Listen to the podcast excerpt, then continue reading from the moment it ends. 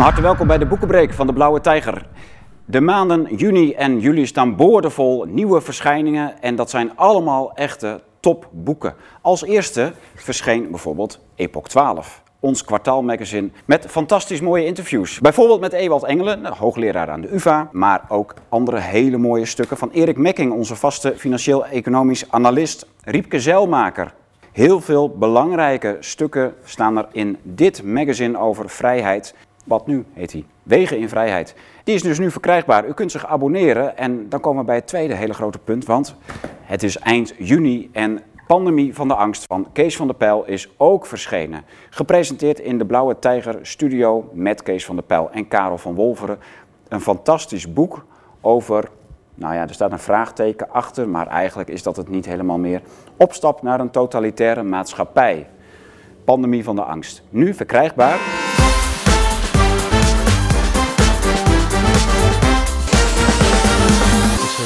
Maandagmiddag 23 augustus, omstreeks eh, kwart over twee.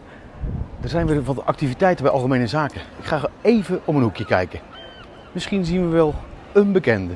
Nou, we zien daar weer eh, de jongen staan.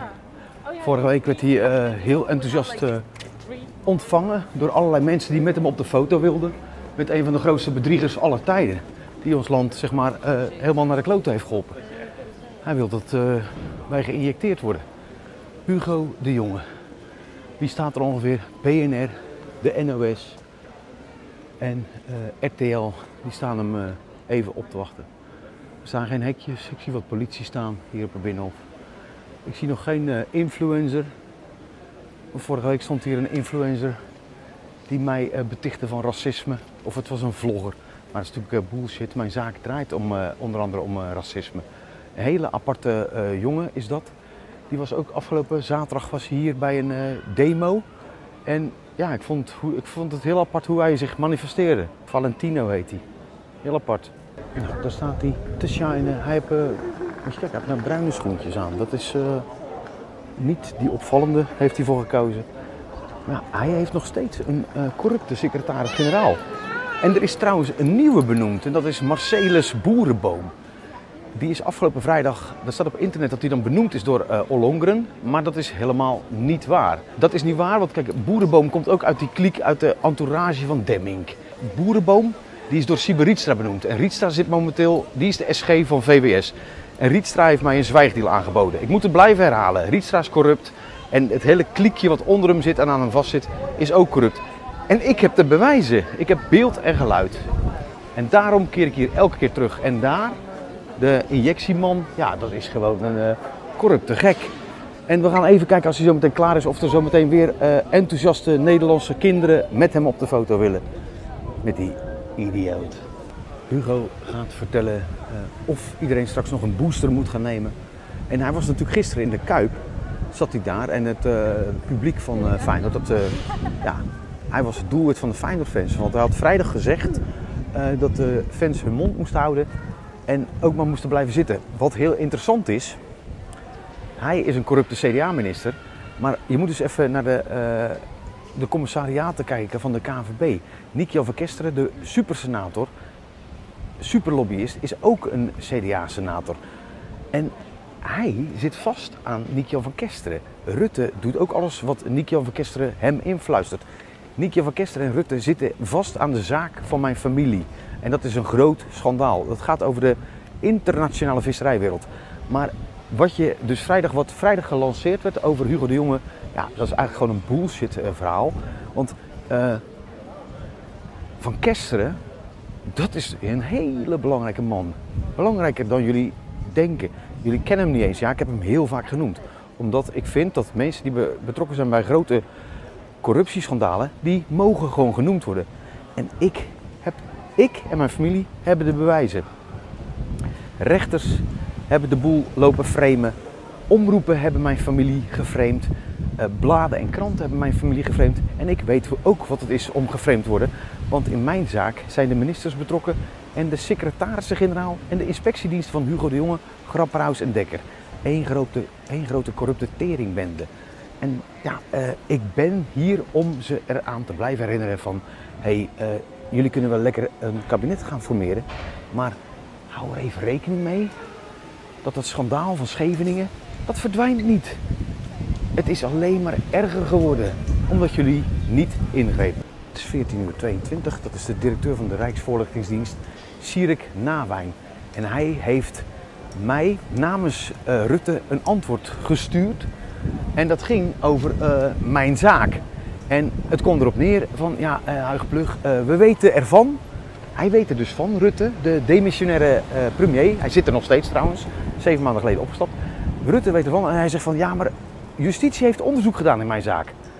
Dat hebben ze, maar 3% onderzoek hebben ze gedaan. Want de waarheid is niet naar buiten gekomen. Dus ja, Sierik Nawijn, ik trek jou ook mee de afgrond in. Herhalen, want heel veel mensen hebben het niet gezien. Nawijn, die dus net wegliep, die mag bij de persconferentie van Rutte en uh, de jongen, mag hij de pers aanwijzen, de volgorde van vragen stellen. Ja, en de minister en premier zijn natuurlijk van tevoren op de hoogte wat er voor vragen worden gelanceerd. Zo gaat dat. Zo is het altijd gegaan. Het is een script. Die lijn die je hier ziet, dat is een soort protocol. Volgens de beveiliging mag je daar niet overheen lopen. Uh, wel de pers, je mag hier, er is wel doorgaand verkeer, fiets- en wandel, uh, wandelaars. Maar ik mag hier bijvoorbeeld, ik heb inmiddels wel credits, dat moet ik wel zeggen. Ik moet de beveiliging wel uh, complimenteren hoe ik hier toch behandeld word. Want sommige mensen denken dat ik hier loop te stolken. Nee, ik, ben, ik heb een zaak dat, is, dat gaat over landsbelang. Zij weten het ook wel natuurlijk. Zij hebben er geen zin in dat het allemaal naar buiten komt. Ik wil jullie er even op wijzen, zometeen als Hugo uh, de Jonge, Hugo de J, zometeen klaar is, dan gaan er mensen zometeen met hem op de foto. Die vinden dat leuk om met hem op de foto te gaan. Bizar vind ik dat, want ik loop hier al 14 uh, maanden rond en er zijn hier hele vreemde dingen zijn hier gebeurd. In oktober, november en december was er hier 12 weken lang een hofnar uh, verkleed, de Haagse hofnar. En die heeft twaalf weken lang cadeautjes uitgedeeld aan de bewindslieden. Ik heb het elke urenlang was hij dat aan het doen. Mondkapjes, stressballen, een cd, een chocoladeletter, van alles. Twaalf weken. En in de laatste editie in december zei hij, ik stond er vlakbij, dat Dekker dat geregeld had. Dat is heel apart. Ik sta hier dankzij u, zei hij. En die man heet John Medley. En uh, hij was verkleed als hofnar. Dus dat is in het COVID-tijdperk, waarin iedereen heel voorzichtig moest zijn, was er hier twaalf weken lang werden er cadeautjes uitgedeeld aan het corrupte, incompetente kabinet. Het is echt allemaal gebeurd. Ga maar even googlen op internet. John Medley en Binhoff. En dan zie je mij uh, vaak uh, op de achtergrond verbaasd staan kijken. Ik heb het gewoon allemaal uh, vanaf afstand bekeken. En daarna ben ik het gaan uitzenden. Dat hebben jullie inmiddels al gezien. Het is zomer en covid-vakantie. Er loopt hier een gids. Die gaat hier vertellen over hoe corrupt ons kabinet is. Een buitenlander waarschijnlijk. What country are you from? Are you from Russia? Where are you from? Sorry. Poland. Poland? Okay. I want to tell you, our government is corrupt to the bone. Corrupt. Toch vertellen. Sorry. Excuus. Nee, ik was zo uh, in gedachten. Maar mensen uit Polen die komen hier kijken. Wist je dat Nederlandse rechters het lef hebben om in Polen te gaan protesteren over hun rechtsstaat, over de rechtsstaat in Polen. Maar onze rechtsstaat is helemaal verrot. En ook dat kan ik aantonen.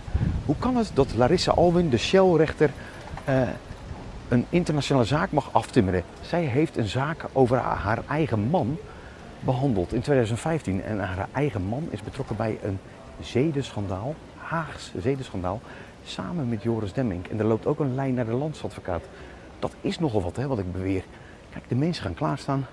Minister De Jonge, het enige, goedemiddag. Het enige wat ik nog even wil mededelen, Siberitstra is corrupt. En uh, Marcellus Boerenboom, die aanstelling deugt ook niet. Fijne dag. En dan heb ik het weer even gezegd. 23 augustus, de baas van Hugo de Jonge, Siberitstra, half drie. De baas van Hugo de Jonge is corrupt. En hij wordt gevolgd. Kijk, mensen, waarschijnlijk is dat een bijwerking van de injectie. Uh, dan heeft hij als een soort rattenvanger van Hamelen gaan mensen achter Hugo de Jonge aan. Hij loopt nu naar het Parnassusplein. En uh, ja, veel succes uh, Hugo, maar ik blijf hier komen. En als mensen zeggen van ja, maar je moet hem niet lastigvallen. Dat is mijn taak en mijn plicht. Ook een soort zorgplicht naar het Nederlandse volk toe. Ik uh, moet hun eraan blijven herinneren. De belangrijkste man dat is de directeur ABD Topconsult. En dat zit in de Zurichtoren. Rietstra. Ja, en die man bood mij een zwijgdeal aan. Ik mocht, ik kreeg van hem een nieuwe baan als ik al mijn beschuldigingen zou intrekken. Maar dat deed ik niet, want ik zeg, joh, hoe durf je? Hoe, de brutaliteit, hoe durf je dat? En dat deed hij in de week van het onbesproken gedrag. Het staat allemaal gedocumenteerd. Ik wil onder Ede gehoord worden in de Tweede Kamer. De Tweede Kamer en de fractievoorzitters hebben daar natuurlijk geen zin in. Want ze weten hoe groot de zaak en wie er aan mij vastzit. Het is echt een hele grote ramp geworden. Voor de regering wel te staan en voor de Kamer. Ze hebben gefaald. Oei, oei, oei. En daarom ben ik hier. Gidi, PVV, heeft Kamervragen over mij gesteld in september 2020. Maar uh, Dekker ging daarna liegen in antwoorden. En ik weet precies waar hij liegt. Dus Gidi, onwijs, uh, je hebt op 20 mei, afgelopen 20 mei, dus drie maanden geleden, heeft hij mijn naam en mijn zaak genoemd. Zeker tijdens een debat in de Tweede Kamer. En ook toen ging Dekker weer liggen. Dus het, Ja. het houdt maar niet op. Dekker zei dat alles in orde was. Ja, maar Dan eh, is dus alles niks, niet, dan is niks in orde. Guidi weet het. En eh, ik blijf, ik, eh, ik zit vast aan de enkels van, de, ah, van Dekker. En ik laat nooit meer los. Oké. We gaan hem, eh, ja, geef gewoon een hand, man. Dag hè. Fijne dag. Een van de weinigen die de ballen had om mijn zaak op te pakken. Samen met Michiel van Nispen. Credits eh, aan Michiel van Nispen. Ik ben hier niet voor mijn lol. Ik ben hier voor een zeer serieuze zaak. Staatsgeheimen, landsbelang. Gidi weet het. Maar ja, dat betekent dat als het naar buiten komt, echt naar buiten komt, dat er geen Rutte 4 is. Dat Kaag moet aftreden. Dat Klaver, Ploemen, Esther Ouwehand, die hier zit bij die vogelstickertjes op de ramen.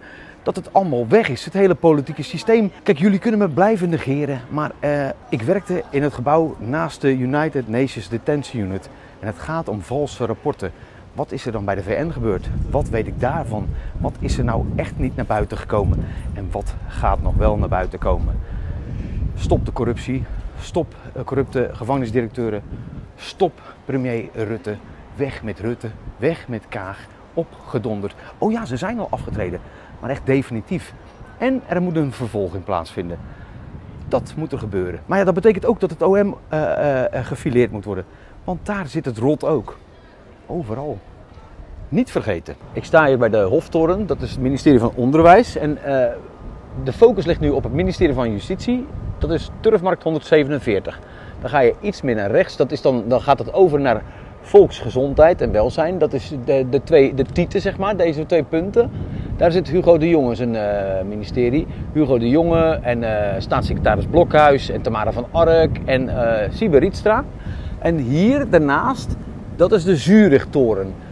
En ik wil even de boel herhalen. Ik heb het al heel vaak gezegd. Siebe Rietstra, hoofdrolspeler, één van de hoofdrolspelers uit mijn dossier, is nu secretaris-generaal van Volksgezondheid. Die zit dus bij die twee horentjes. Niet tieten, maar twee horentjes. Hij zat in 2019 nog, was hij secretaris-generaal van Justitie. 2020 begin ook. Rietstra heeft mij een deal aangeboden. Ik zeg, ik wil die deal niet. Ik wil geen nieuwe baan. Ik wil dat je de fraude onderzoekt en alle rotzooi die rondom mijn eervol ontslagzaken. er is alleen maar gerotzooid.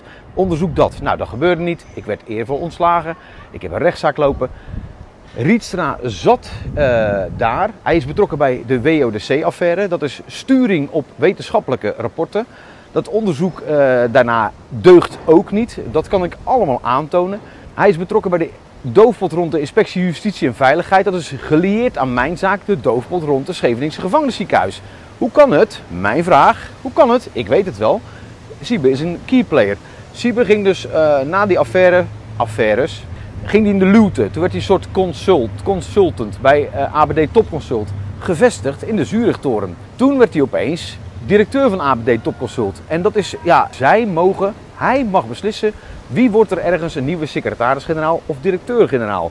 Hij heeft de mensen in het COVID-19 dossier benoemd. Onder andere programma-directeur-generaal COVID-19 en samenleving Mark Roskam-Abbing. Dat komt uit de koker van Rietstra. Het wordt naar buiten gebracht als dat Ollongren dat heeft beslist of Grapperhaus. Maar het komt uit de koker van, ik ga bijna die maniertjes van een dekker nadoen. Het komt, het komt uit de koker van ABD Topconsult. Dat is een vijver van 90 topambtenaren.